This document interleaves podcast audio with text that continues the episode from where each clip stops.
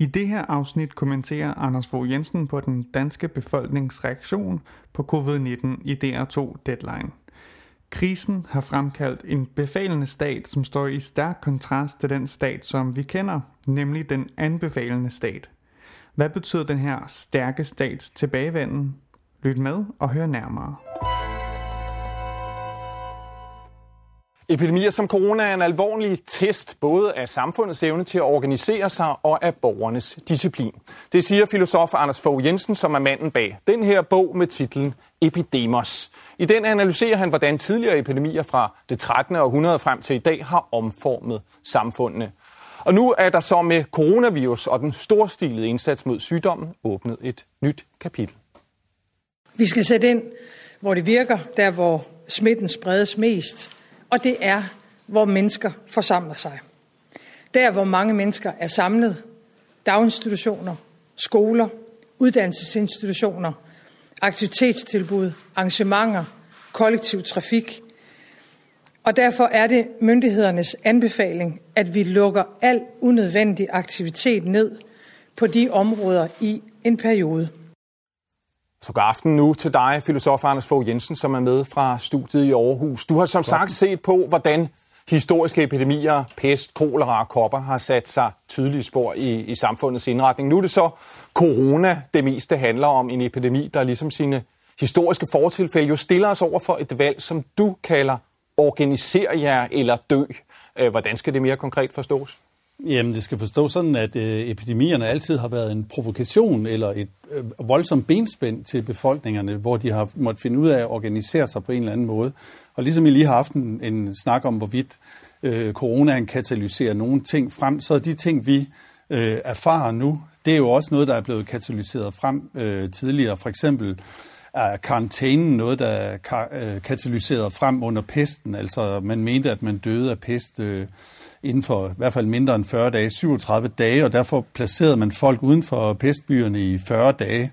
Det italienske ord for det er quarantina, og her har vi altså karantænen. Og senere byggede man den ind i byerne, sådan som vi ser nu. Øh, så, så, så det er fordi, at vores samfund har gjort sig meget lange erfaringer med epidemier, at vores samfund er så klar nu. For os som individer er det meget nyt, og, og på den måde så har forskellige epidemier, altså Øh, koleran har, har fået os til at kloakere, øh, kopperne har fået os til at tænke i vacciner, men det har også effekter på øh, mange andre områder, den her form for organisering. Altså vores fabrikker og vores øh, kontorlandskaber havde næppe set så organiseret ud, hvis ikke vi havde haft epidemierne.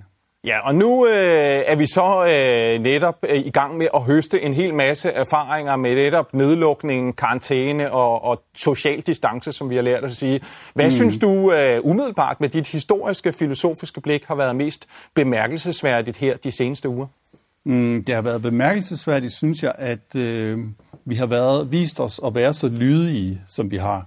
Altså på øh, karantænen er det, altså det med ikke at røre ved hinanden, det er noget, som man altid griber til, når en epidemi sætter ind. Øh, så man prøver at adskille folk. Øh, men det kan jo også være lidt en test eller en disciplinering af os som borgere. Øh, jeg kommer til at tænke på øh, min egen værnepligt, at de, de første to måneder, altså det der var rekruttiden, der blev man kørt unødvendigt hårdt øh, for at ligesom at spore befolkningen ind, eller i det her tilfælde øh, vores enhed ind, på en måde, så vi var lettere at styre bagefter. Og der, der tror jeg, at vi også har øh, altså man fra statens side også lige har skulle sådan mærke eller teste, okay, hvor, hvor godt er det styringsgreb, vi har i befolkningen. Og det har så vist sig at være vældig godt. Øh, det kommer bag på mig. Så så at sige, vi har reageret stille og roligt på at blive kørt hårdt, som du siger? Ja, det vil jeg sige, og vi har, vi har oplevet en, en stat, der er gået fra øh, en blød fløjelshandske, en, en anbefalende stat til en befalende stat, og, øh, og det har vi sådan set også øh, øh, taget pænt og lyttet efter. Øh, så det, det overrasker mig. Men lad os tage det her med at, øh, at holde social distance. Altså, vi bør ikke længere give hånd øh, i det hele taget. Ja. Øh, skal vi holde distance? Lad være med at, at kramme og, og så videre og så videre. Øh, du har skrevet i, i et essay, at, at den udfordring, de her udfordringer, der følger med alle de påbud, at der skal vi udvikle en ny øh, populationsbevidsthed. Øh, hvad betyder det? Ja, Altså noget, hvis man siger sådan, man kunne sige, flygtningekrisen i 2015, den øh, bragte på en måde territoriet tilbage i politikken, men det, som den her krise har gjort, det er, at den i høj grad har bragt populationen tilbage, og at vi sådan øh, jo ikke bare skal tage hensyn til os selv, men vi skal også tage hensyn til vores næste, altså den, der er ved, ved, ved siden af os, eller rundt omkring os rent fysisk, eller dem vi kender, men vi skal også tage hensyn til hele befolkningsmassen. Og øh, heldigvis, kan man sige, så går de tre hensyn jo øh, op i et. Det er ikke sådan, som det plejer at være, at min frihed står i modsætning til din, eller sådan. Men, øh, men øh, vi, vi er begyndt at tænke og tale i de her termer omkring en hensyn til helheden og, og til os alle sammen. Ja, og, og, og så prøv at forklare sådan helt konkret, det her med at give håndtryk, det plejede at være udtryk for, for høflighed. Ja. Nu er det ikke at gøre det udtryk for, for samfundssind. Hvordan er den forvandling sket? Ja, og det er også sket i en udvikling øh, væk fra kindkysset, hvis man kan sige det sådan, at håndtrykket var faktisk allerede den her afstand, og nu har vi så fået øh, ikke berøringen, altså at vi bare øh, hilser. I starten var, det, var man sådan lidt øh, mærkelig til mode, og var man uhøflig, eller gjorde man det rigtige, men det gik jo hurtigt over. Og, og altså det med, med ikke-berøring har jo været en, en, øh, det er en, det er en øh, gammel traver, og det var sådan set også noget af det, vi så i 80'erne med, øh, med lanceringen af kondomet, at vi skulle prøve at være sammen uden at røre ved hinanden. Øh, og, øh, og som sådan øh, kan, kan væggene jo sådan, i princippet være meget tynde. Ja, så det her med at, at, at holde afstand, øh, det, det er udtryk for, for samfundssind, kan man sige. Man må også sige, at i øjeblikket, der jo tales rigtig meget om, om fællesskab. Der er nogen, der synger ja. sammen. Der tales om, det nationale fællesskab øh, føles af mange i øjeblikket. Og du mener faktisk, at det er selve vores opfattelse af staten, der er i bevægelse lige for tiden. Hvad bygger du det på? Jo, men det er det her med, at vi mener, at vi ser staten træde i karakter på en måde nu, som vi ikke har set, og nogle af os har savnet i rigtig mange år, fordi vi har set, at det bliver de store globale virksomheder, der ligesom kører, og det bliver øh, markedet, der ligesom bestemmer, hvad der, hvad der skal findes på markedet. Og der ser vi lige pludselig en, en stat, der, der træder i karakter, og som jo faktisk viser sig godt og kan omorganisere ting ret hurtigt. Og i forhold til for eksempel øh, miljøbevægelser, som har fyldt meget, det, og miljødebatter, som har fyldt meget de sidste par år, så har vi jo bare blevet ved med at lukke mere CO2 ud. Vi har ikke, vi har ikke set de her stramme, befalende greb. Og jeg kan forestille mig, at vi efter den her øh, periode også vil faktisk forvente af staten, at den, den bruger nogen af de greb igen.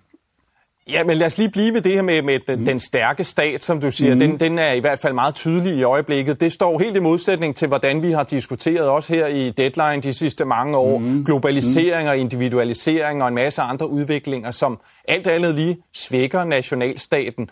Tror ja. du, at den, den stærke stat også var ved efter coronakrisen? Altså, man kan sige i hvert fald, at, at globusen begynder at få farver igen nu ved, at, at det her det er blevet grebet meget nationalt an, og ikke særlig internationalt. Det er ikke FN, der styrer det her. Øhm, men jeg tror også, at øh, vi vil se, vi har haft vi bliver mindet om i hvert fald, at staten som en orden ligger nede under, og vi bliver mere taknemmelige over staten. Men jeg tror også, at den statsfobi, hvis man kan kalde det den, øh, det man oplevede efter 2. verdenskrig, hvor man havde set gulag og nazisme og sådan noget, den, den fobi over for staten, den affødte en nyliberalisme og en, en udfoldelse af vores selv, og nu kan vi se, at der faktisk også, at det er fordi, vi har en grundlæggende orden og en stat, der fungerer og virker, at vi kan leve de her selvrealiserende liv og de her liv med marked og forretning. Og hvilken umiddelbar betydning kan, kan det få, hvis du har ret i det, at det ikke er så smart at være liberalist mere, eller, eller hvad? Mm, jo, men det medfører i hvert fald en, en... Man kan ikke bare kritisere staten på samme måde efter det her, og man vil formentlig også øh, i højere grad være, være taknemmelig over den, og øh, at den findes. Og jeg ved, man sige, i, i filosofien og idehistorien har man jo i århundreder diskuteret, om man måtte have en fælles enhed som staten, der måtte begrænse ens frihed, og det tror jeg, at vi alle sammen godt kan forstå nu, at det er vigtigt, at der er noget, der er større end os selv, og at det også kan styres et centralt sted fra. Øh, nu var jeg inde på, at du har skrevet uh, den her bog, uh, Epidemos, uh, som mm. jeg nævnte, og hvis, hvis du så på et tidspunkt skal tage fat på et nyt kapitel, der handler om corona, så er det jo indtil videre gissning om, hvad, hvilke måder at, at organisere sig på, der vil være anderledes ja. og, og så videre. Vi har taget lidt hul på det her. Hvad, hvad tror du mest på som, som varige effekter? Altså i forhold til de her organiseringer af mennesker, der er det fuldstændig epidemi klassik. Det er øh, karantæne, altså og ikke berøring, og så er det det, man kalder antiseptiske strategier, det vil sige, det er det håndspritten. Ikke? Det er, at man slår noget levende ihjel, for noget andet kan dø. Under pesten var det rotterne, øh, nu er det øh, virus på fingrene. Øhm, så der er der ikke så meget nyt, men det, der er anderledes den her gang, det er, at informationer er meget mere transparente, selvom vi godt nok ikke helt ved øh, alle tal fra alle lande, men der er meget mere der, hvad skal man sige, informationsteknologi, der flyder rundt, og der, det muliggør sporinger og overvågninger og sådan noget. Det er, det er en lidt anderledes måde at forme nogle meget klassiske strategier på. Og så lad os lige i kort runde det, du øh, sagde havde været mest bemærkelsesværdigt for dig, nemlig hvor lydige danskerne er i den her coronakrise. Det var det mm. ord, du brugte for det. Du ja. siger, sådan nogle kriser tester sådan set, hvor disciplineret en, en befolkning er. Den der lydighed og den der øh, kærlighed til det, du beskrev som den stærke stat, øh, mm. kan det tages for givet eller omvendt? Hvad kunne få det til at falde fra hinanden igen? Mm, ja, altså man kan sige, der er jo dels den der problematik, som nogen er bange for, nemlig at det her det bliver en øh, for stærk stat, altså at den kommanderer, og det, det er brugt ord som diktatur, men det er, det er, vi har jo valgt den, og den udøver sådan set bare den udøvende magt. Øhm, man kan sige, det, det I diskuterede lige før, om vi bare falder tilbage i, i, den, i den samme gænge og det samme forbrug, øh, og, og øh, i det hele taget bare, at de store multinationale selskaber igen begynder at køre rundt med nationalstaterne. Det kan måske øh, øh, svække staten. Man kan også diskutere om en for lang karantæne. Det synes jeg også er det, man ligesom ser nu, at, at folk må have lidt for at øh, blive ved med at være lydige. Øh, om, men en, om en for lang karantæne også øh, ligesom begynder at mobilisere en vrede over for staten. Og endelig så kan man sige, at det er godt nok er staten, der styrer og bestemmer. Det er den, der lægger skinnerne, og vi kører nu. Men for nogen vil der også være et spørgsmål om, hvorfor er det lige også statens ansatte, der skal have fuld løn, og alle andre taber? Anders Fogh Jensen, tak fordi du ville filosofere med os andre her i Deadline. Selv tak.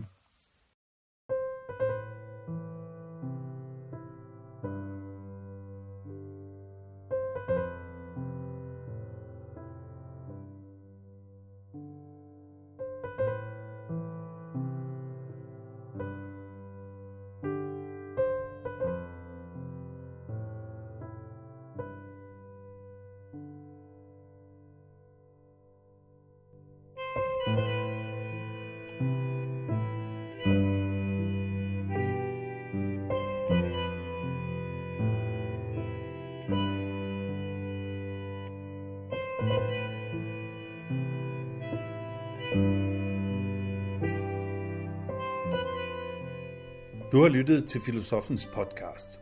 Se mere på min hjemmeside filosofen.dk og tag med mig på dannelsesrejse. Se dannelsesrejser.dk. Mit navn er Anders Fogh Jensen. Tak fordi du lyttede med. Música